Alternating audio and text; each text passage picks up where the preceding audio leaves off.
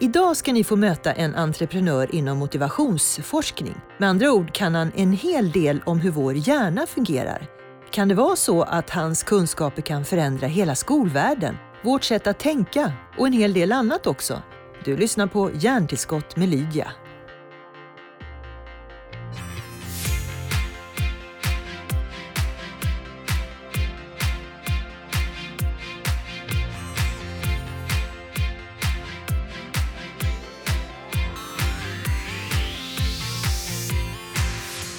Men välkommen Erik Fernholm. Tack, tack. Du ser glad ut idag. Idag? Ja, men jag, ja, men jag, idag, igår, förrgår var bra dagar alltså. Verkligen. Ja, vad roligt. Eh, Erik, eh, om du träffar en person som får veta att du har en akademisk bakgrund inom neuro, motivations och lyckoforskning, vad är den vanligaste frågan du får då? Eh, när de hör att jag har en bakgrund i kognitiv neurovetenskap, folk blir helt blanka. De fattar inte vad det är överhuvudtaget. Det är väldigt få som vet vad det är. Vad är det då? Alltså det är egentligen det, det vi vet objektivt, vetenskapligt om hur den här subjektiva upplevelsen av att vara mig eller dig hur det är. Liksom. Eh, så på något sätt när vi tar hjärnforskning och vänder den liksom in och tittar på hur är det att vara människa? Vad betyder det? Var kommer våra beteenden ifrån? Känslor? Allt det där. Hur kan vi mäta det? Låter flummigt. Ja, det är precis. Det är vad de flesta tänker och tror. Men, um, men egentligen är det faktiskt otroligt um, spännande, men också ganska konkret att se så här, vad är det som egentligen driver mänskligt beteende? Du, att kunna så mycket om hjärnan och beteende gör ju naturligtvis att många eh, vill veta hur man ska bete sig bättre. Jag vet mm. att du föreläste för, för Försvarsmakten för inte så länge sedan och mm. då blev jag väldigt nyfiken. Vad är det de vill veta av dig? ja, um, så jag har jobbat ganska mycket med liksom Försvarsmakten, även liksom på högsta ledningsnivå, alla deras chefer och så här. Men det de står inför, och nästan alla stora organisationer står inför idag, är eh, världen blir allt mer komplex.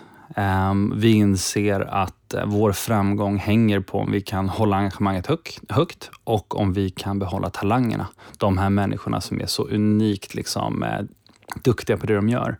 Så hela vår verksamhet hänger liksom på 50 pers. Oavsett om vi då är 5000 så är det några liksom nyckelindivider. Och sticker de så ligger vi pyrt till. Och då har liksom kultur och motivationsfrågor gått från, så som det var förr, eh, någonting som var lite grädde på moset och lite kul, att man åker till Sälen med kollegorna någon gång ibland, liksom, till att bli en överlevnadsfråga. Om folk mår väl och presterar väl i arbetet så så kommer organisationen och i försvarets fall eh, så kommer Sveriges säkerhet eh, förbättras om de lyckas med det. Men gör de inte det och har de inga liksom, 80-90-talister som kan försvara Sverige digitalt, då ligger vi alla ganska pyrt till. Men herregud, tänkte jag säga, vad är det du säger? Men hur, hur, hur ska de se till att fixa det här då? De är, ju ganska, de är ju ganska engagerade i de här frågorna. Ehm, men jag ska säga att det är, ju, det är en fråga som, vi, som alla organisationer, alla ledningar eh, bör stå och, och på något sätt ha på absolut största allvar.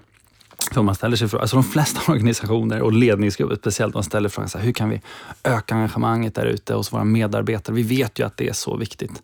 All forskning pekar ju på det. Um, och Jag brukar säga att det är helt fel fråga. Det är inte hur kan du engagera dina medarbetare, det är hur kan ni vara värda engagemang? Och då får man på något sätt se sig i spegeln och se så här, okej, okay, vilken struktur har vi? Vilken kultur har vi? Uh, ser vi människor som humankapital och human resources eller ser vi dem som människor som vi bryr, bryr oss om och som vi vill eh, ska bry sig om det vi siktar på? Um, så, så det är ju um, någon typ av så här, ja, lite djupare faktiskt frågor kommer upp när man börjar gräva i just engagemang och motivationsbitarna kring individer. För människor är byggda för eh, mening. Eh, och när bolag bara finns för att tjäna pengar, eh, eller de går omkring och tror det i varje fall, så är det liksom några få organisationer som vågar kliva ur den bubblan och titta på större samhällsfrågor och säga så här, vi måste förändra den här marknaden till exempel. Och då har du ju Tesla Eh, där folk liksom, de jobbar kvällar, nätter, helger. De jobbar liksom dygnet runt och blod, svett och tårar ger dem för att få vara med i det här meningsfulla. Du, pr du pratar om ett högre syfte alltså? Ja, exakt. Um, Har man ett högre syfte och uh, kommunicerar det som företag, då kan man räkna med att man har mer lojala Eh, medarbetare? Det är ett sätt att säga det. Ja. Och, det är, ehm, och det här handlar ju om hur, hur hjärnan egentligen är byggd. Liksom. Vi är byggda för att göra saker som är, som är värda att göra. Eh, och ser vi ingen koppling mellan det utan bara går till jobbet och ser det som att ja, men, jag parkerar min kropp 40 timmar i veckan eh, på min arbetsplats. Liksom. Ni hyr min kropp 40 timmar i veckan och i slutet på månaden så får jag ett skadestånd. Om det är så man ser på sitt jobb, eh, då är det självklart att man inte får ut lika mycket eh, utväxling ur sina medarbetare eller liksom ur sig själv. Ehm, men om man däremot känner att vi, vi gör någonting som är värt att göra, vi gör någonting som spelar roll, då kommer det åt en helt annan liksom, ett helt annat djup, ett helt annat engagemang. Och du står och tänker på det här i duschen sen. Som är liksom, hur kan jag hjälpa den här kunden? Hur kan jag hjälpa den här patienten? Vi måste knäcka det här. Det här är superviktigt. Och det ställer ju krav på, på vad är det företag tar sig an? Uh, och det, är, det kräver väldigt mogna ledare. För det, mm, ja, det är ett helt annat perspektiv. Det är ett större perspektiv. Såklart, ja. Och när du talar om ledare, och man kan ju tala om egentligen vem som helst, så är ju faktiskt vårt liv och mycket av det vi jobbar med beroende, på, beroende av beslut. Mm. Och det här med rationella beslut, det har man ju diskuterat jättemycket. Hur mycket är rationellt och vad är rationellt? Vad är sanningen om det? Hur, många, hur stor del av alla beslut vi fattar är beslut vi fattar? Som vi faktiskt som vi har fattar, koll på. Ja, som vi, vi fattar vet att ta besluten. Ja, och här, här finns det massor med olika forskare som liksom mäter det här på olika sätt. Men eh, någonstans om man ska summera ihop det kan man säga att så här, ja, max 5% av dina beslut är medvetna. Absolut max. Ibland det är många forskare som säger 0,05 procent. Men ehm. vänta nu, 5 procent, mm. mellan 0,05 och 5 procent rationella beslut. Kan du bara förklara lite grann, vad är ett rationellt beslut? Ja, alltså beslut som du vet om att du tar och som du liksom verkligen överväger för och nackdelar. Vad är, vad är logiskt liksom att mm. göra här? Men det är, det är inte, de flesta besluten som vi tar, de flesta handlingar vi gör, är saker som vi inte är medvetna om, utan det är automatiska processer och framförallt är emotionella processer. En djupare, mycket äldre del av hjärnan och det är den som styr oss. Ett väldigt enkelt exempel är liksom, ja, alltså, säg så här, du står stressad framför en hiss och du klickar på knappen och den lyser. Men du är stressad, så vad gör du? Ja, du klickar ju igen, liksom, eller hur? Visst. Och vad tror du ska hända? Liksom? Förlåt, alltså, jag känner verkligen igen den situationen. Man trycker så, ja. Mm. ja visst. Eller liksom att så här, bilen är frusen och den startar inte och då slår man på den för att bestraffa den. Men den är inte vid medvetande. Varför slår du på den? Eller du pratar med den. Eller till slut kanske börjar förhandla och säger snälla, snälla, snälla om du startar nu så får du nya vinterdäck och en service. Liksom. Uh, och likadant så, så är vi väldigt, vi tror att vi har koll på oss själva, vi tror att vi vet varför vi gör det vi gör. Men alla som har försökt ge sig på en beteendeförändring inser att det är någon annan kraft här som styr mig. Alla som har fastnat i typ av ledarbeteende till exempel, att man går in i kontroll, att man går in i expertrollen, att man går in i um, ja, men någon typ av, så att man undviker att delegera um, på rätt sätt. Så att man inte förstärker de experter man har omkring sig, utan man snarare håller sig själv som en central punkt i beslutsfattandet. Det som händer där är att många ledare som jag träffar, de är fast i det mönstret. De vet om att de borde delegera i det här fallet, men de gör det inte ändå. Och det har gått år. Och då inser man att så här, de här människorna, de är inte rationella. De vet om att det är ofördelaktigt att fortsätta med det här beteendet, men de gör det ändå. Så där någonstans så inser vi att vi har det här andra, djupare systemet eh, som styr väldigt mycket av våra beteenden. Och likadant är det med våra intressen. Liksom. Det är inte så att du bestämmer dig för att du är intresserad av ett ämne. Det är tvärtom. Du upptäcker att det finns en massa känslor här och det är det som du sen sätter ord på efteråt och säger det här är mitt intresse. Och det är så här vi funkar, det är så här det är att vara människa. Eh, så, så storyn om att vi har kontroll och koll på oss själva och vet varför vi gör det vi gör, den kan man verkligen ifrågasätta. Um, och det finns väldigt mycket vetenskapligt stöd bakom det. Och jag vet ju att du eh, är väldigt involverad i att få till bättre skolor. Får mm. man säga så slarvigt? Alltså det finns ju få människor som har så många timmar med unga som pedagoger. Um, ofta är det faktiskt fler timmar än föräldrarna, uh, i det moderna samhället i varje fall. Och lärandet, liksom, alltså skolan så som den är byggd, eh, har en enormt stark industriell historia. Men det finns en anledning till att barn sitter i små lådor efter serienummerordning. Det är för att det är så man tillverkar bilkarosser. Så skolan skapades liksom 1842 mer eller mindre, eh, i likhet med en tillverkande industri. Eh, och, och, det är så vi fortfarande det är så modellen fortfarande ser ut. Så den är egentligen inte, den är byggd för att skapa soldater och industriarbetare. Ehm, men det vi ser idag är att ungdomarna som möter verkligheten så som den ser ut idag, är ju, de står ganska oförberedda. Till och med till den grad att, att Google, McKinsey och Ernst Young de gjorde en metastudie och tittade på hur hur mycket påverkar akademiska meriter hur det går för folk internt i de här bolagen? Det här är tre av världens starkaste varumärken. Um, och det, det de hittar är att akademiska meriter och hur det går för folk internt på Google till exempel har noll koppling, noll korrelation. Det spelar ingen roll överhuvudtaget. Så nu har många av de här börjat slumpa bort och säga vi tittar inte på dina betyg, vi tittar inte så mycket på dina akademiska meriter. För det vi ser istället är att din emotionella förmåga, din sociala förmåga, din förmåga att abstrahera information, ta fler perspektiv, vara öppen, nyfiken. Det är så mycket viktigare. Vänta nu, så du säger att social skills slår akademiska poäng med hästlängder? Det var, det var de hittade. Vad, det var vad, de fann, vad tycker exakt. du då? Jag tänker så här. Um, det viktigaste i livet är ju inte att man bara får ett jobb. Utan om jag tänker på mina framtida barn så vill jag att de ska bli goda medborgare, goda individer. Det tycker jag är mycket viktigare än att de kan tjäna mycket pengar och bli framgångsrika på Google. Uh, så så det, är, det, är del, det är en del av ett resonemang. Men om jag tänker på vilka förmågor jag skulle vilja skicka med mina barn, då blir det ganska enkelt. Eh, då handlar det om liksom kloka individer som kan möta andra människor och deras, deras olikheter, som står upp för de svaga, som hjälper till där det behövs hjälpa till, som ser sig själv i ett sammanhang som är samhället, som vet hur man kan sätta gränser för sig själva. Um, och Det coola med det här är att det jag beskrev där, de förmågorna, det är det som står i läroplanerna, första kapitlerna, alla läroplanerna från grundskolan hela vägen upp. Eller egentligen från förskolan hela vägen upp. Men du, det är inte det som kommer ut riktigt. Nej, precis. Så i läroplanen står det, det står så här, det absolut viktigaste, skolans syfte är de här förmågorna. Självtillit, aktörskap, eh, demokratiska värderingar. Men sen så mäter vi något helt annat. Vi mäter ju bara liksom hur mycket information vi kan trycka in i de här stackars små huvuden som kan komma ut sen på ett prov. Mm. Men du, det här är ju, folk är ju medvetna om det du säger, men det tar ju tid att förändra verkar det som. Och under tiden kommer ungar ut från skolorna mm. med det här gammalmodiga eh, Visst. sättet att, att lära. Men, men för att vara lite konkret här, mm. så, för annars vet jag att lyssnarna tycker att vi är lite flummiga här. Mm. mm. Så att matematik, Erik, mm. det är katastrof. Jag vet inte hur många eh, omdömen och skolor mm. som är riktigt oroliga för, för matten. Ja, för matten. Mm. Och just matten blir så väldigt påtaglig i den mm. värld vi lever i idag. Mm. Eh, vad säger du? Ja, exakt.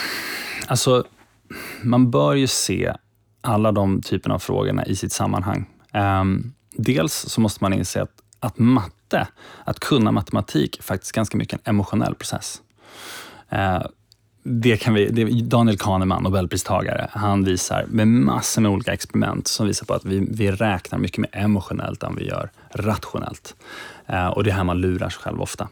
Men om vi ser matten ur en så histor, historisk kontext egentligen och blickar in i framtiden, så ser vi att okay, det var superviktigt att du kunde matte förr i världen, när du skulle räkna på grejer och du var en snickare eller ingenjör. Liksom. Vad är det vanligaste jobbet i Stockholm idag till exempel? Ja, det är inte, det är inte en ingenjör. Um, det här vill man ju inte barnen ska höra det du säger. Nej, det är faktiskt inte det. Nej, det är, när man frågar liksom folk utanför Stockholm så tror de att det är bloggare, men det är det inte. Utan vanligaste jobbet i Stockholm idag är programmerare. By far. Programmerare. Och det är ett matematiskt tänk, men det är inte matte. Eh, så som vi lärde oss matte när vi var små. Liksom.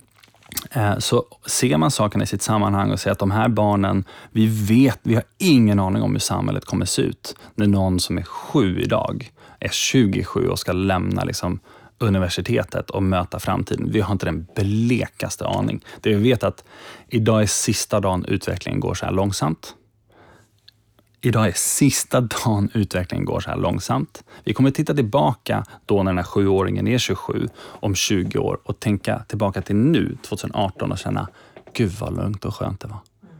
Och inser man det och tar man det på allvar, eh, då inser man att, att matte, precis som träslöjd, kanske är en del av det de behöver lära sig. Men vi måste veta varför de ska lära sig de här grejerna. Inte bara för att vi går i gamla hjulspår. Det är det mest oansvariga vi kan göra som vuxna ansvariga för våra barns framtid och inte uppdatera oss om hur tror vi att framtiden kommer att bli och vad är viktigt för att stå rustad inför den. Men du har ju eh, en verksamhet bland annat som går ut på att coacha mm. lärare vad jag förstår. Mm. Men, men, ja, men vi kan ju inte sitta här och vänta på eh, vad, vad som händer med barn som blir 27 om många, många år. Utan Nej. vad säger du till dem nu? Då? Precis. Ja, men då, och tillbaka till att matte då är delvis en emotionell process. Så det som händer till exempel, det vi, det vi jobbar med i Bättre bättre skolor. Eh, så då har vi jobbat med hela Region Halland till exempel. Mängder, alltså tusen och åter tusentals lärare liksom, från förskolan upp till gymnasieskolan. Och det man ser där är att det finns verktyg, det finns liksom interventioner som är bevisade från forskningen, där du kan gå in och lära då, säg sjundeklassare en grej. Det tar 30 minuter. Och två år senare så har de liksom 13 procent högre mattebetyg. Men det du lärde dem hade ingenting att göra med matten. Det tog en halvtimme, de fick 13 högre mattebetyg två år senare. Fantastiskt! Det är liksom, den utväxlingen är ju otrolig. Liksom. Så vad gjorde man? man lärde dem hur man misslyckas. Man lär dem hur... Så när jag sitter och kämpar med matten till exempel, och jag då är den här sjundeklassaren, och så blir det svårt för mig. Eh, vad, är, vad drar jag för slutsatser? Vad är min psykologiska slutsats av att det går dåligt nu? Ja, den ena kan vara, jag är inte bra på matte. Den andra kan vara, jag håller på att lära mig, det är därför det är tufft. Att det är tufft betyder att jag lär mig. Det är två världsskilda liksom, tolkningar av situationen. Men det är då man gör den här interventionen, den här halvtimmas liksom, övningen som man gör med de här eleverna, är att man lär dem bli medvetna om att välja sin tolkning om att hjärnan är plastisk och att när du kämpar med någonting så betyder det att du håller på att bli bättre. Så fortsätt kämpa. Det är inte ett tecken på att du ska sluta. Det är ett tecken på att du ska fortsätta anstränga dig. Du är på rätt plats, du är inte på fel plats. Och den lilla, lilla insikten eh, förändrar helt deras liksom, betyg på sikt. Får jag fråga, är det en modern åkomma att eh, barn ger upp för lätt menar du? Ja, speciellt i Sverige faktiskt. När man jämför hur, varför man, hur man tillskriver sina egna misslyckanden så ser vi att i Sverige skyller barnen långt mycket mer på eh, att provet var för svårt, att läraren är dum. De skyller på externa faktorer. Men också faktiskt i västerländsk kultur över tid, ser man från 80-talet fram till nu, så skyller vi mer eh, på yttre faktorer när det gäller våra egna problem. Du, hinner vi fixa det här i eh, vår kultur? Eh, ja, I tid? Ja, precis. I tid till vad är frågan. Um, och den är ganska intressant, för vi, vi ligger på något sätt, i min värld så ligger vi på någon knivsägg just nu. Just för att teknologin har gjort oss så kraftfulla att, som vi nämnde tidigare, det dör fler människor i fetma än i svält runt om i världen. Det dör fler människor i självmord än i mord, terrorism och våld eh, tillsammans. Eller precis. Det, det är liksom aldrig hänt tidigare. Så på ett sätt ser jag att teknologin har nu gjort oss så otroligt kraftfulla som art. Så beroende på vilka val vi nu tar tillsammans så kommer vi designa och avgöra vår egen framtid. Vi har aldrig stått inför det valet tidigare. Så då ser man, liksom, antingen, i min värld, så vi, antingen så skapar vi någon typ av medvetandeutveckling. Vi mognar, vi börjar tänka mer långsiktigt, vi börjar tänka mer på helheten som jag faktiskt påverkar samhället som jag är en del i. Eller så gör vi det inte. Och så fortsätter vi vara så kraftfulla och då blir vi ganska kortsiktiga. Liksom. Alltså motsatsen till hållbarhet är ju ohållbarhet. Mm. Så vi har, inte, vi har inte ett val där egentligen. Jag vet inte om jag blir lugnare av ditt svar, men det låter som om vi måste vara medvetna och prata ihop oss med vad som händer i mm. alla instanser. Precis. Antar jag. Så, I min värld så är, det, så är det kanske en av de mest angelägna frågorna. Liksom. Um, och, och om, man, om man zoomar ut så ser man att de som, är, de som har det tuffast idag och de som är utanför samhället är ju redan de som liksom inte trivs i den digitala miljön eller som inte är speciellt bildade. Liksom, utan unga, arga eh, män. Eh, just för att de känner att de är del av samhället. De har inte kommit in ännu. Liksom. Eh, och den gruppen ser ut att bli allt fler. Eh, och då röstar man på det sättet dessutom. Man vill ha en enkel förklaring till varför jag mår dåligt. Så det är en enorm komplex problematik där att samhället blir allt mer komplext och snabbföränderligt. Men vår förmåga till att möta den här komplexiteten har inte ökat i samma takt. Um, det, och där behöver vi på något sätt ta några steg framåt. Tror jag. Det låter som vi kommer in på psykisk ohälsa nu när vi pratar mm, också. Verkligen. Enorm, eh, nästan som en, eh, en tickande bomb kan jag tänka mig. För jag tror jag läste mm. någonstans på er hemsida Bättre skolor mm. att eh, cirka 300 procent Nej, 300 procent har den psykiska ohälsan stigit bland unga sedan 90-talet. Mm. Skriver ni i alla fall. Mm, mm, eh, precis. Det är ju en enorm ökning. Ja, det, det är, eh, när man läser in sig i utvecklingen så blir man ganska skrämd faktiskt. Vi har ju liksom 18 procent av vuxna i Sverige idag som tar psykofarmaka, alltså antidepressiva eller ångestdämpande eller sömnmedel. Det är en av fem. Så har vi varannan ung tjej idag som lider av så pass mycket oro, ängslan och ångest att de borde få behandling. Varannan ung tjej. Eh, största dödsorsaken bland unga killar, många åldersgrupper i varje fall, är självmord. Inte trafik och inte cancer. Så där ser man liksom indikatorer och de också trenderna går åt fel håll. Liksom. Um, där man ser sömnmedel till exempel, har skrivit, där ökningen varit någonstans runt 800 procent de senaste åren. Det är ganska tydligt att det är det. Um, frågan är hur stöttar vi så många människor eh, som har behov av verktyg för att möta en ganska komplex verklighet? Både socialt men också liksom Jag frågar dig direkt, arbete. vad har du för förslag? Alltså, precis. Och, och det blir ju komplexa svar, liksom, men, men framförallt får man titta på vilka är det som är i närheten av de här unga, som har tilliten och som har möjligheten att liksom, alltså, ha kompetensen också att um, utbilda sig inom ämnet, stötta dem där det behövs. Och där är skolan en enorm plattform.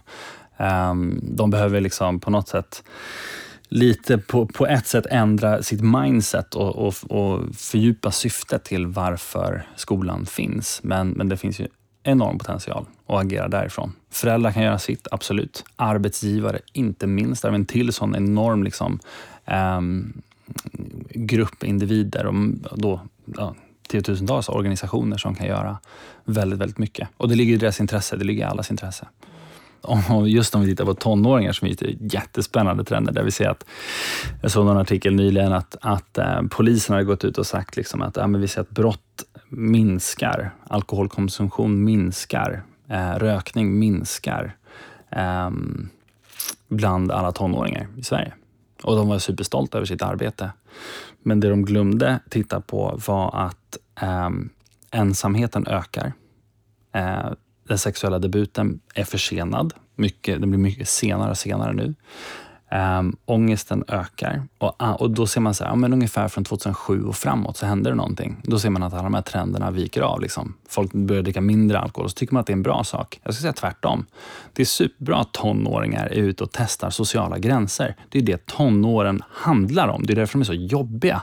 För att de vill testa gränserna, för att förstå var går egentligen gränsen.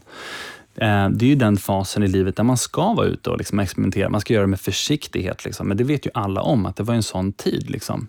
Men att de nu inte ens är ute och testar eller utmanar sig själva och inte ens umgås i grupp längre och mycket mer ensamma.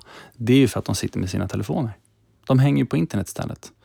Eh, och det är en helt okontrollerad miljö. Vi har ingen aning om hur det påverkar folk. Eh, men vi ser att folk mår allt, allt, allt sämre parallellt med den här teknikutvecklingen. Ehm, jag menar, när jag var liten så var det så här, man skulle hyra film och så gled man in på videobutiken och så fanns det det här draperiet. Liksom. Så det är så här, men där får man inte gå in för det är en vuxenavdelning. Man försöker kika in ändå, man listar ut, man fattar vad det var för något. Ehm, eller så var det så här, åldersgräns på de hyrfilmerna som man kom hem med. Och idag så sätter du en telefon i handen på en 11-åring och de har tillgång till allt som internet erbjuder. Ehm, och det är ganska okontrollerat.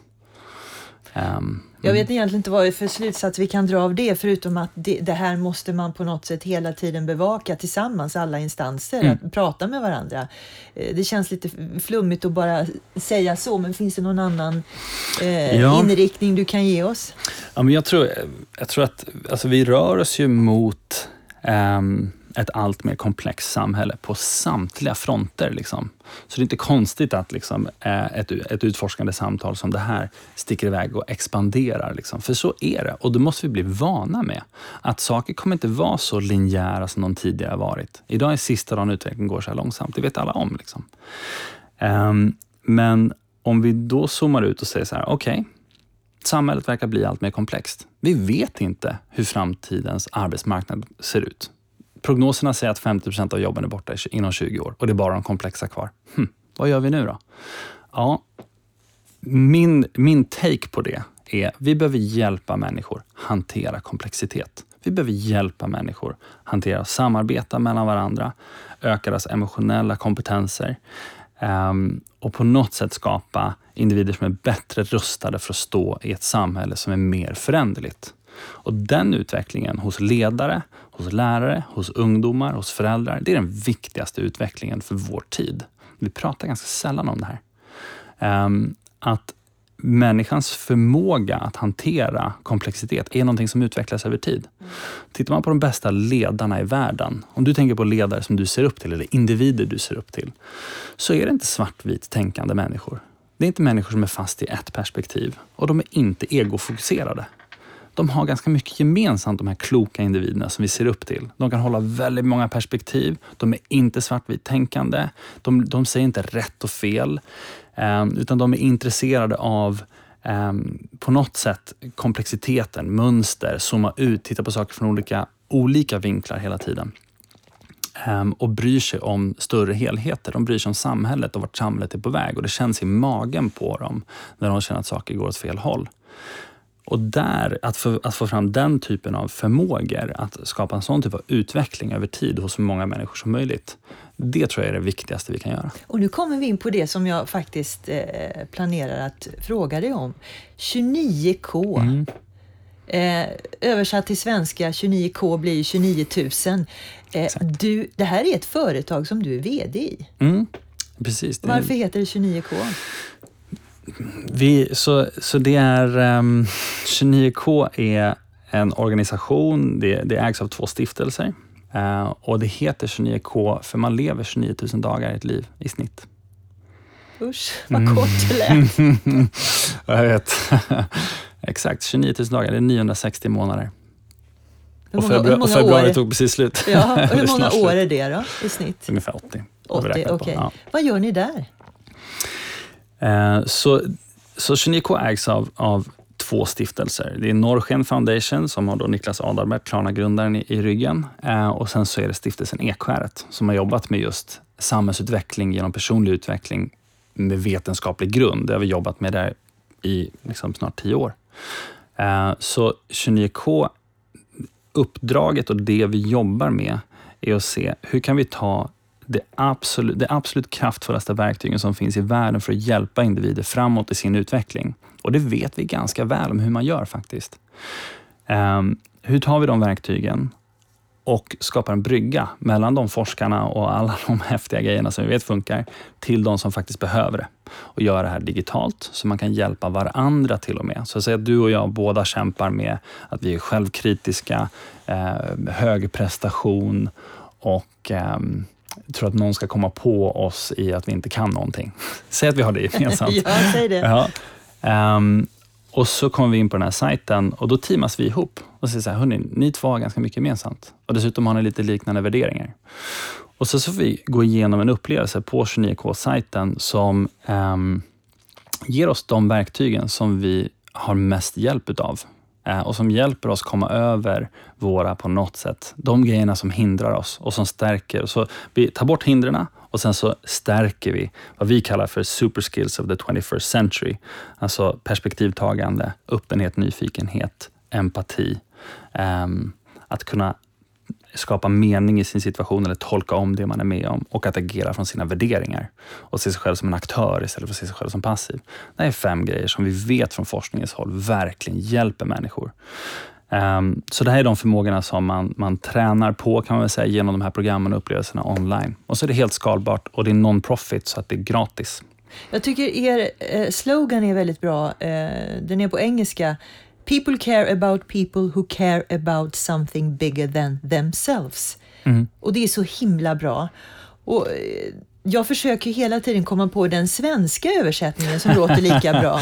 ja. Och det har jag inte gjort, men, men eh, det låter som om det är ett ställe där människor eh, kommer varandra närmre, som har idéer som påverkar kanske till och med hela världen till det bättre. Målet för vår del är ju verkligen att hjälpa folk från där de står, oavsett var de är på den här resan, och bara ta sitt nästa kliv.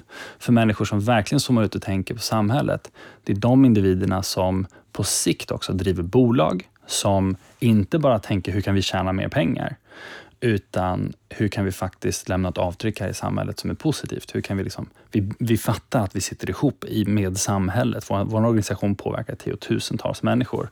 Okej, okay, hur kan vi skapa, hur kan vi ta det ansvaret? Så den typen av utveckling är egentligen det som vi ser som centralt, både i stiftelsen Ekskäret och i 29K. Har du hittat dig själv? Är du färdig med din egen resa och vet vad du ska göra? Nej, jag har precis börjat känns det som. Um, Ska det, vara, det kanske ska vara så, Erik? Man ska inte hitta fram hela tiden. Nej, hjärnan är ju inte byggd för det alls. Vi tror gärna att här, när jag väl har X så kommer jag bli lycklig. Och... Ja, nu gled vi från ämnet här. Ja. Har du hittat fram? Nej, absolut inte. Absolut inte. Men jag har, jag har ifrågasatt normer sedan jag var pytteliten. Um, och det har att göra med att min pappa var diskuskastaren Stefan Fernholm. Uh, så han var liksom OS, eh, VM, liksom vindkampen. Allt han gjorde var ju för att kliva upp på en prispall, liksom klättra upp på en pyramid, stå längst upp och vara en vinnare, vara framgångsrik. Um, och jag lärde mig mycket från honom. Liksom, en grej var att man ska göra det man brinner för. Fantastiskt. Den andra grejen var att han siktade på ett mål som gjorde att han blev sjukt olycklig och deprimerad och eh, fast i ett pillermissbruk. Liksom han var elitidrottare på 80-talet. Och han gick bort när jag var 12 år gammal. Innan dess så var han fast i en ganska destruktiv spiral. Liksom, så mina föräldrar hade skilt sig ett par år innan. Och Det här var en väldigt, väldigt eh, tuff tid i mitt liv. Um, men det fick mig att reflektera vansinnigt mycket på eh, hur kan det komma sig att man, är, att man blir framgångsrik i samhällets mått mätt, men man mår fruktansvärt dålig. Borde det inte vara tvärtom? Borde det inte vara så att jag blev framgångsrik, sen blev jag lycklig? Jag fick mycket makt och pengar, jag blev kändis och så blev jag lycklig. Det är ju ändå luftet. Liksom. Det är ju, marknadsekonomin bygger ju på det. Eh, men det stämmer inte. Så för min del så har jag funderat väldigt mycket på de frågorna. Ehm, och Jag tror att där jag är själv liksom, eh, i min utveckling, så tror jag att det handlar mer om ehm, kanske så sårbarhet, släppa in folk, låta saker komma nära. Um, släppa den här idén av att vara självständig, oberoende och stark. Där, där kämpar jag. Liksom. Uh, för jag är stöpt i en annan form, men den funkar inte. Och jag tror inte, och, och jag är, är liksom, man kan spegla den mot liksom samtidens bild av ledarskap också, där vi har trott att det handlar om att man ska vara den här som har koll på allting, medan det är precis tvärtom idag. De som vågar visa att de inte har koll och som vågar ställa frågor och bjuda in och vara sårbara, det är de som lyckas tycker du lyckas ganska bra, Erik. ja, det beror på hur man mäter. Tack för att du kom hit. Ja, tack.